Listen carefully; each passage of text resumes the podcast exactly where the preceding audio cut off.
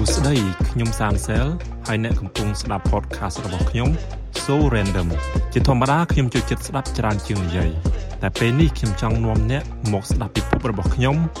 អំពីគំនិតរាយប៉ាយនានាដែលកើតឡើងបន្ទាប់ពីការសមាធិរបស់ខ្ញុំខ្ញុំសង្ឃឹមថាអ្នកនឹងចាប់អារម្មណ៍ឬមួយក៏អាចយល់ថាមានប្រយោជន៍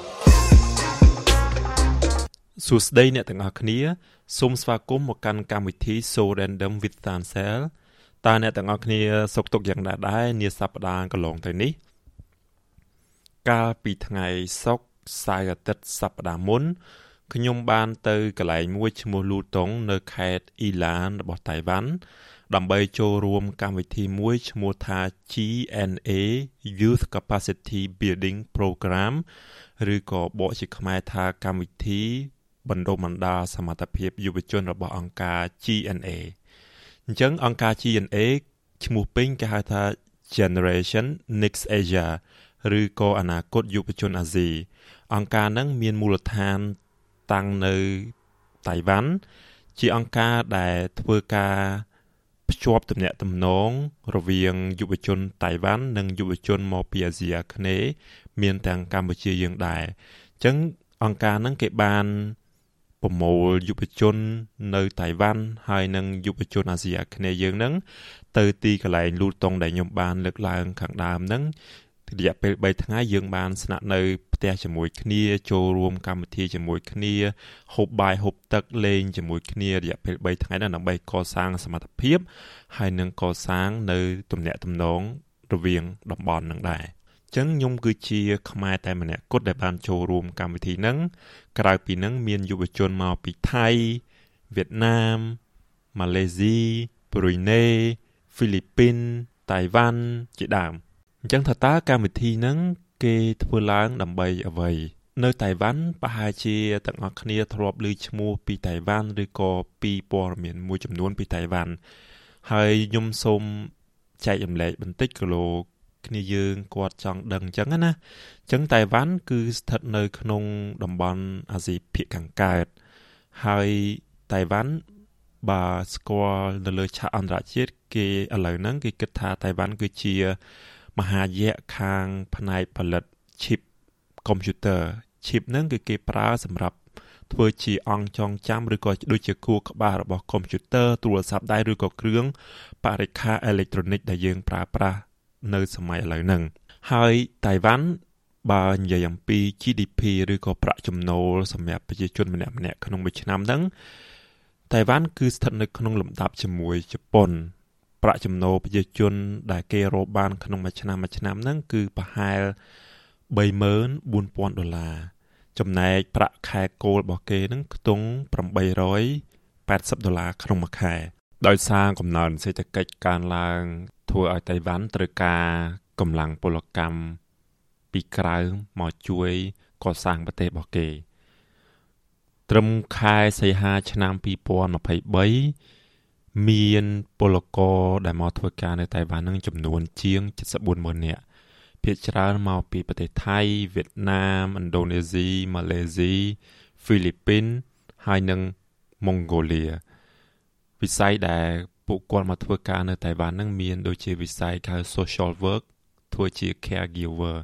ជាអ្នកមើលថែទាំមនុស្សចាស់ជាដើម ហើយនឹងខាងការងារប្រើកម្លាំងពលកម្មធ្វើការនៅរោងចក្រហើយនឹងការកសាងហេដ្ឋារចនាសម្ព័ន្ធផ្លូវថ្នល់ជាដើមអញ្ចឹងដោយសារតែចំនួនច្រើននឹងធ្វើឲ្យមានបញ្ហាប្រឈម ទំនាស់រវាងពលករហើយនឹងថៅកែអញ្ចឹងហើយបានបានជាអង្គការ GNA ហ្នឹងគេបានអញ្ជើញខាង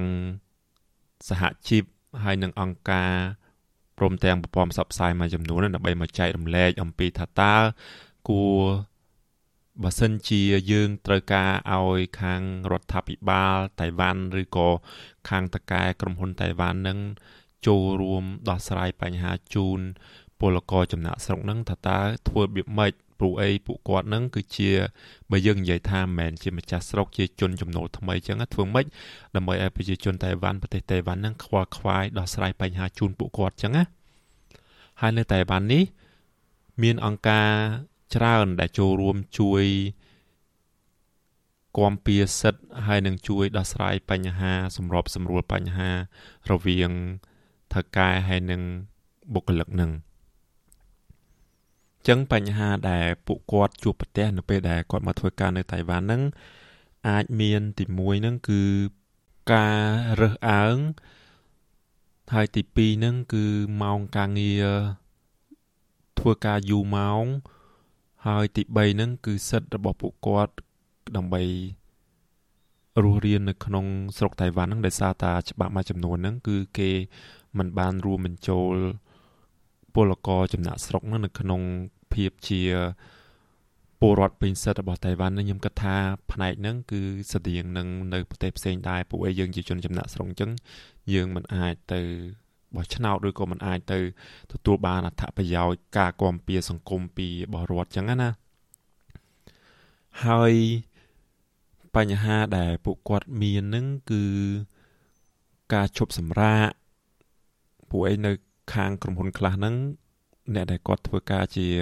បុគ្គលិកហ្នឹងគឺគាត់អត់អាចមានថ្ងៃសម្រាកបានត្រឹមត្រូវអញ្ចឹងណាអញ្ចឹងនេះគឺជាបញ្ហាមួយចំនួនរួមទៅខ្ញុំគិតថាបើបើអង្គការមុនដែលខ្ញុំអត់ទាន់បាន ចូលវគ្គបន្តបន្តណាខ្ញុំគិតថាតៃវ៉ាន់គឺល្អប្រសើរខ្លាំង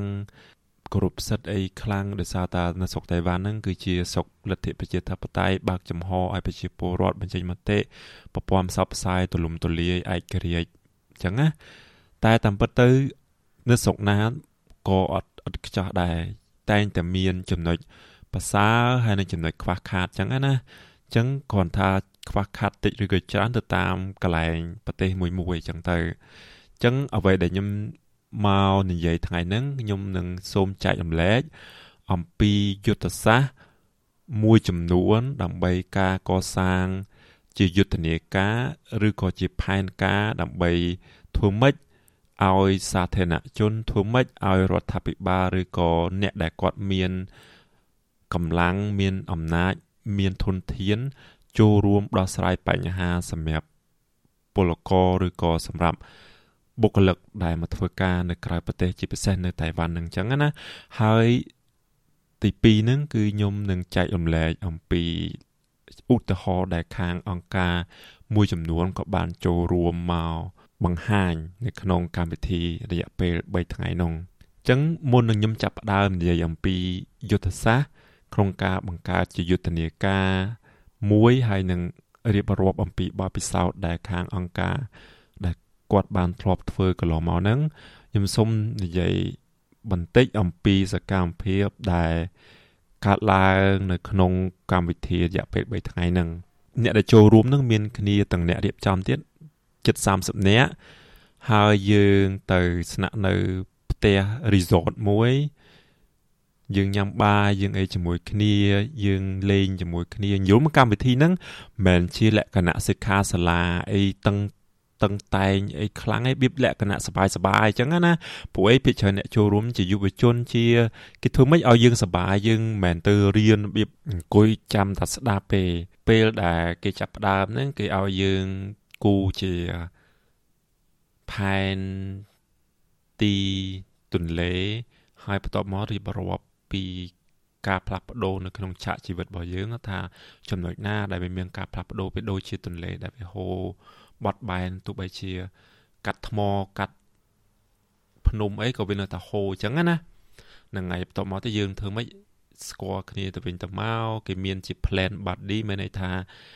មិត្តម្នាក់នៅក្នុងក្រុមទាំងមូលហ្នឹងជាវាមិត្តស្និទ្ធស្នាលយើងម្នាក់ហ្នឹងដើម្បីយើងនឹងមើលថែគ្នាយើងសួរគ្នាថាមិនហើយបាយនៅគេយ៉ាងម៉េចដែរអីដែរអញ្ចឹងណា ហ្នឹងហើយហើយក៏មានលេងកម្មវិធីច្រៀងខារ៉ាអូខេលេងវាយសីលេងម៉ាន់ជុងដូចលេងបៀណាប៉ុន្តែបៀបែបចិនណាហើយមានកម្មវិធីច្រើនទៀតដែលគេធ្វើម៉េចឲ្យយើងនឹងសប្បាយយល់មិនធ្វើម៉េចឲ្យយើងសប្បាយឲ្យយើងរីករាយឲ្យយើងស្រឡះចិត្តដើម្បីអាចទទួលយកព័ត៌មានទទួលយកចំណេះដឹង ដែលវាគ្មិនគេនឹងបញ្យលបង្ហាញចែករំលែកជាមួយយើងនឹងអញ្ចឹងណា អញ្ចឹងខ្ញុំគិតថាសបាយយល់ទៅរៀនបានច្រើនហើយក៏សបាយបានកាន់តែច្រើនដែរជាបទពិសោធន៍ដែលខ្ញុំនឹងចងចាំពេលដែលខាងវាគ្មិនគាត់បានបញ្យល់ចំណុចណាមួយចឹងទៅ គេឲ្យយើងអនុវត្តភ្លាមភ្លាមដោយគេឲ្យយើងបែងចែកជាក្រុមហើយយើងទៅចែកគ្នាថាទ្រឹស្ដីដែលយើងទៅតែបានរៀនបានលឺមិញហ្នឹងឥឡូវយកអនុវត្តហើយគេឲ្យយើងហ្នឹងបង្កើតជា គម្រោងសម្រាប់ខ្លួនឯងហើយយកទ្រឹស្ដីយកមកអនុវត្តចឹងណាអញ្ចឹងយើងរៀនភ្លាមយើងយំអនុវត្តភ្លាមរៀនភ្លាមយំអនុវត្តភ្លាមវាតែងតែអញ្ចឹងរហូតអញ្ចឹងណាហើយរៀនបានបន្តិចហ្នឹងគេឲ្យយើងសម្រាប់15នាទីអញ្ចឹងយើងទៅចេញទៅក្រៅព្រោះឯងកន្លែង resort ហ្នឹងធំដែរអញ្ចឹងណាហើយយើងមកលេងអីជាមួយគ្នាអញ្ចឹងទៅយំគេធ្វើម៉េចកុំឲ្យយើងហ្នឹងធុញហើយ ខ្ញុំមែនខ្ញុំមានអារម្មណ៍ថាខ្ញុំអត់ធុញរយៈពេល3ថ្ងៃមានអារម្មណ៍ថារៀនបដាសបាយបដាស្គាល់គ្នាស្គាល់គេឯងបដាអញ្ចឹងណាហើយសំខាន់ហ្នឹងគឺនៅក្នុងកន្លែងហ្នឹងវាមានកាហ្វេមានតែមាននំនែកអីយំទៅ គឺគេឲ្យយើងរៀបចំមកចប់ឲ្យយើងហ្មងអញ្ចឹងមានអារម្មណ៍ថាពិសេសមែនតែនហ្នឹងហើយហ្នឹងជាចំណុចសបាយសបាយអូហើយមួយទៀតហ្នឹងឯងដែលខ្ញុំគិតថាពិសេសទៀតហ្នឹងគឺ គេចេញថ្លៃឲ្យទាំងអស់តាំងពីថ្លៃធ្វើដំណើរថ្លៃស្នាក់នៅថ្លៃមហូបអាហារអីទាំងអស់គឺយើងទៅតែខ្លួនចំណាយតែពេលកម្លាំងដើម្បីស្ដាប់រៀនសូត្រហ្នឹងហើយអញ្ចឹងនេះគឺជាចំណុចដែលខ្ញុំចង់បង្ហាញអំពីថានៅក្នុងកម្មវិធីហ្នឹងទៅរបៀបម៉េចចឹងណាឥឡូវនេះខ្ញុំចង់ចែករំលែកអំពីចំណេះដឹងយុទ្ធសាស្ត្រក្នុងការបង្កើតផែនការ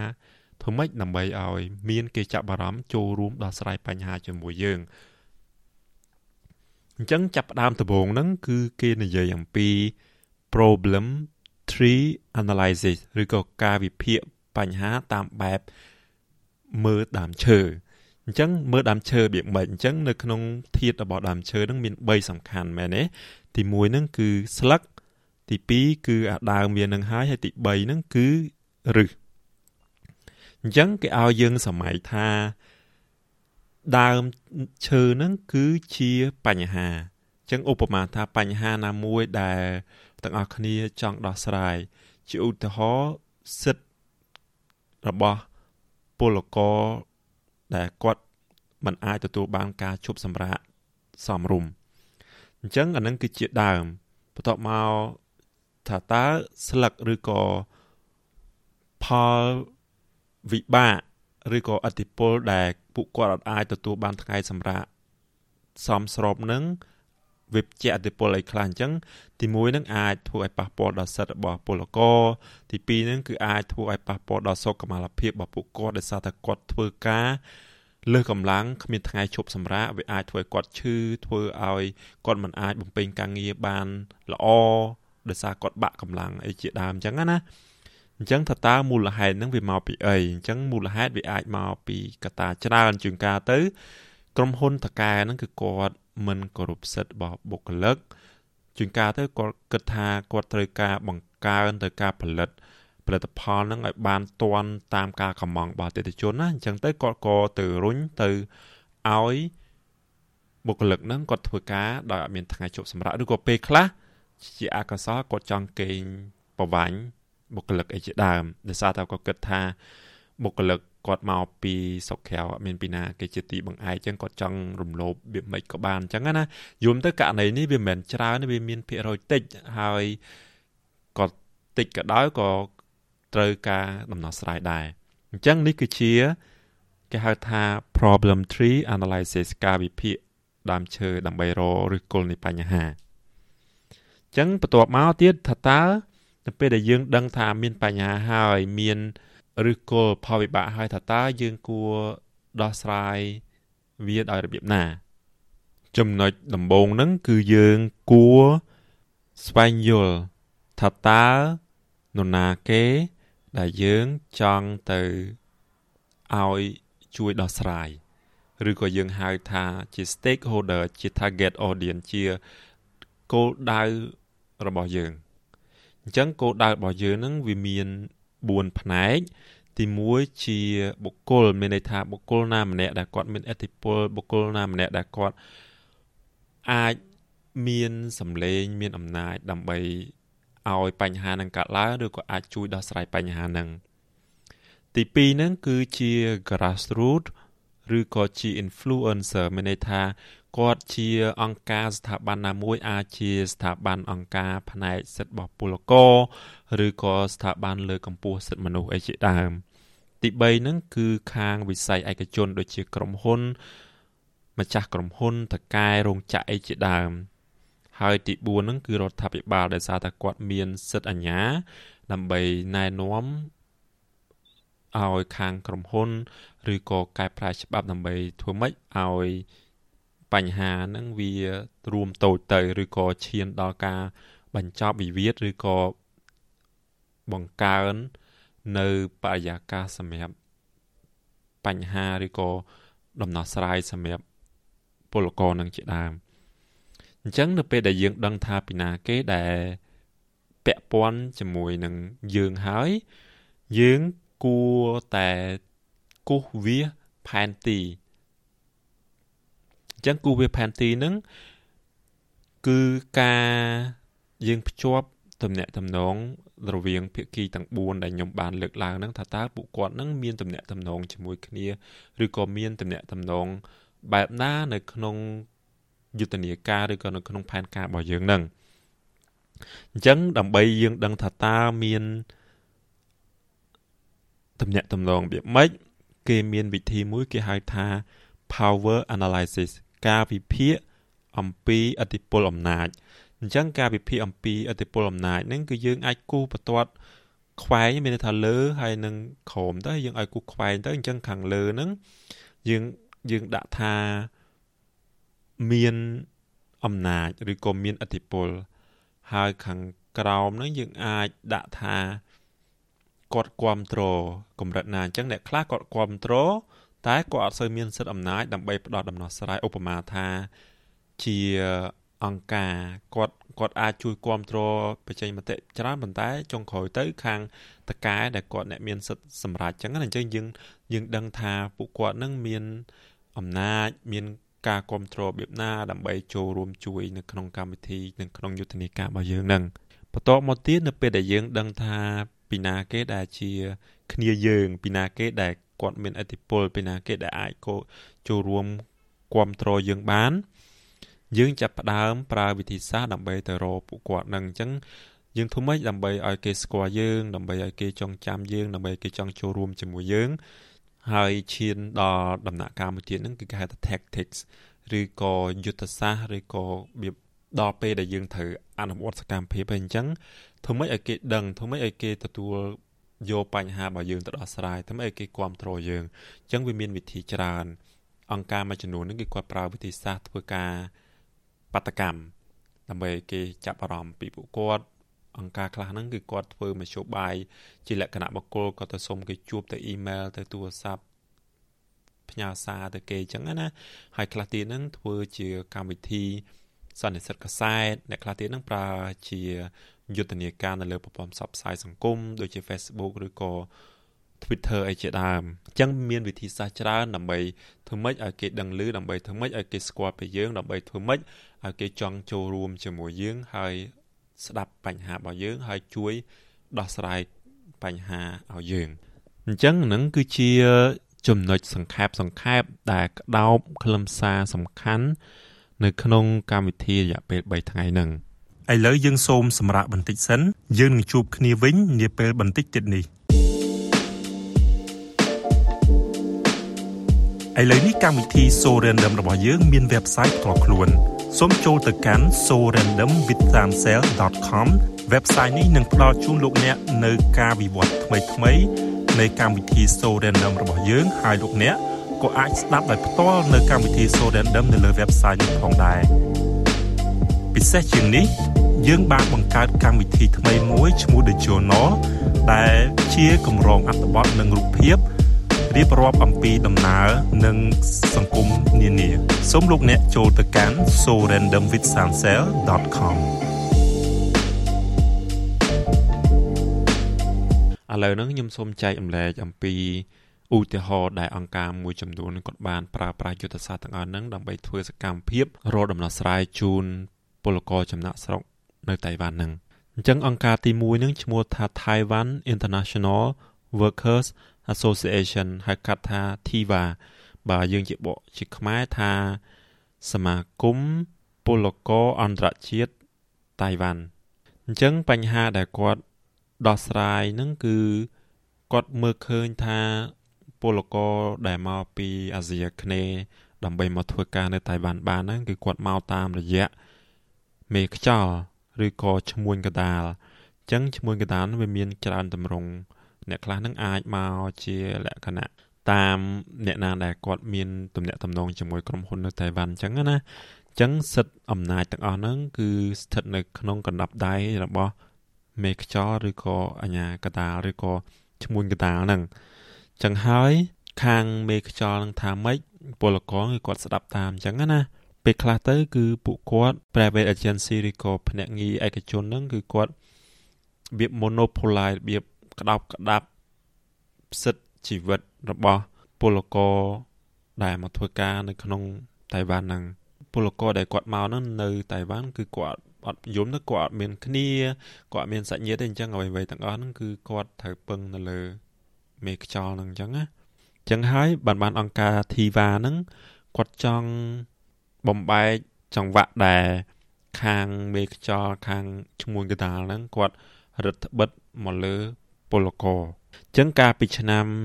2019គាត់បានចេញធ្វើជាយុទ្ធនាការបាតកម្មបោះពុំសភៅ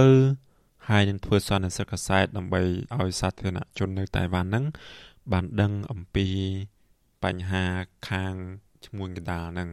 សកម្មភាពដែលគាត់ធ្វើហ្នឹងគឺទីមួយគាត់ចង់គាត់ចង់ឲ្យមាន គេចាប់អារម្មណ៍គេអាចមកថតរូបគេអាចដឹងពីបញ្ហាថាអូនៅតែវ៉ាន់ហ្នឹងគេមានឈ្មួញកដាលដើម្បីនាំ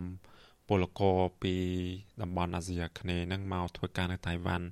ហើយបន្ទាប់មកទៀតហ្នឹងធ្វើម៉េចឲ្យខាងប្រព័ន្ធផ្សព្វផ្សាយគេចាប់អារម្មណ៍គេទៅសេគេបោះគេផ្សាយពីបញ្ហាហ្នឹងអញ្ចឹងណាហើយកាលពីខែ10កន្លងទៅហ្នឹងគេមានយុទ្ធនាការមួយ ឈ្មោះថា No Treat Only Trick អាហ្នឹងគេធ្វើតាមបុណ្យ Halloween ណាមានន័យថា Treat or Trick អញ្ចឹងទៅគេចង់បង្ហាញថាកម្មករនឹងគឺគាត់មានយំគាត់មានគាត់មាន បានទទួលការគ្រប់ត្រយមានតែត្រូវបានគេឆោបោកត្រូវបានគេកេងប្រវ័ញ្ចអញ្ចឹងណាហើយមានអង្គការមួយទៀតនឹងឈ្មោះថាអង្គការ Environmental Rights Foundation ហៅកាត់ថា ERF បាទយើងបកជាខ្មែរថាមូលនិធិសិទ្ធិបរិស្ថានអញ្ចឹងអង្គការហ្នឹងគឺគាត់ធ្វើការលើបញ្ហារបស់ក្រុមហ៊ុនតៃវ៉ាន់ដែលទៅរស់ស៊ីនៅតំបន់អាស៊ីអាគ្នេយ៍ជាឧទាហរណ៍មានក្រុមហ៊ុនមួយឈ្មោះថា Formosa Group ក្រុមហ៊ុននឹងធំខ្លាំងមែនទែននៅតៃវ៉ាន់ណាហើយគាត់មានក្រុមហ៊ុនតូចៗនៅក្រុមគាត់ជាច្រើនអញ្ចឹង Formosa ហ្នឹងគេបានទៅប្រទេសវៀតណាមដើម្បីបើករោងចក្រផលិតដែកថែបគេសហការជាមួយនឹងខាងភៀកគីវៀតណាមអញ្ចឹងណាអញ្ចឹងនៅឆ្នាំ2016ក្រុមហ៊ុននឹងបានបញ្ចេញទឹកពុលដែលចេញពីរោងចក្ររបស់គាត់នឹងបញ្ចេញទៅកាន់សមុទ្រហើយវាធ្វើឲ្យមានផលប៉ះពាល់ខ្លាំងមែនទែន ធ្វើឲ្យត្រីសមុទ្រជាង115តោននឹងងាប់ហើយប៉ះពាល់ដល់ត្រីហើយនឹង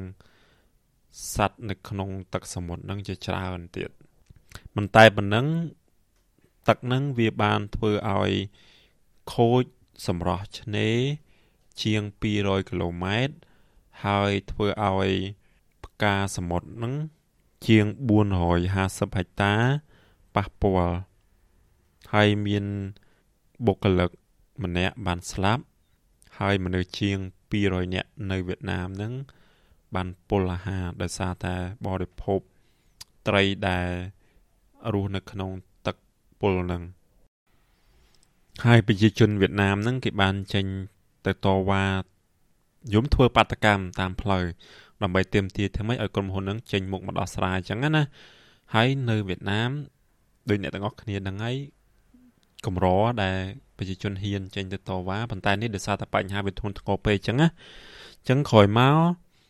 ក៏ខាងអគ្គនាយកក្រុមហ៊ុនហ្នឹងគេបានចេញមកទទួលកំហុសហើយក៏សារភាពថាពិតជាបានបញ្ចេញអាទឹកពុលហ្នឹងទៅកាន់សមុទ្រមែនប៉ុន្តែក្រុមហ៊ុនហ្នឹង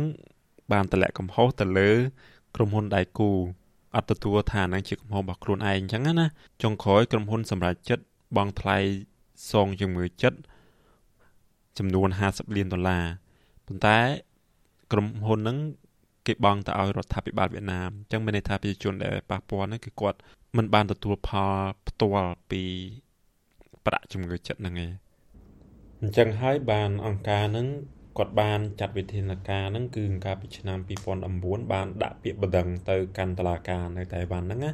ដើម្បីឲ្យស៊ើបអង្កេតលើករណីក្រុមហ៊ុនតៃវ៉ាន់ដែល បានបំផ្លាញបរិស្ថាននៅប្រទេសវៀតណាមហ្នឹង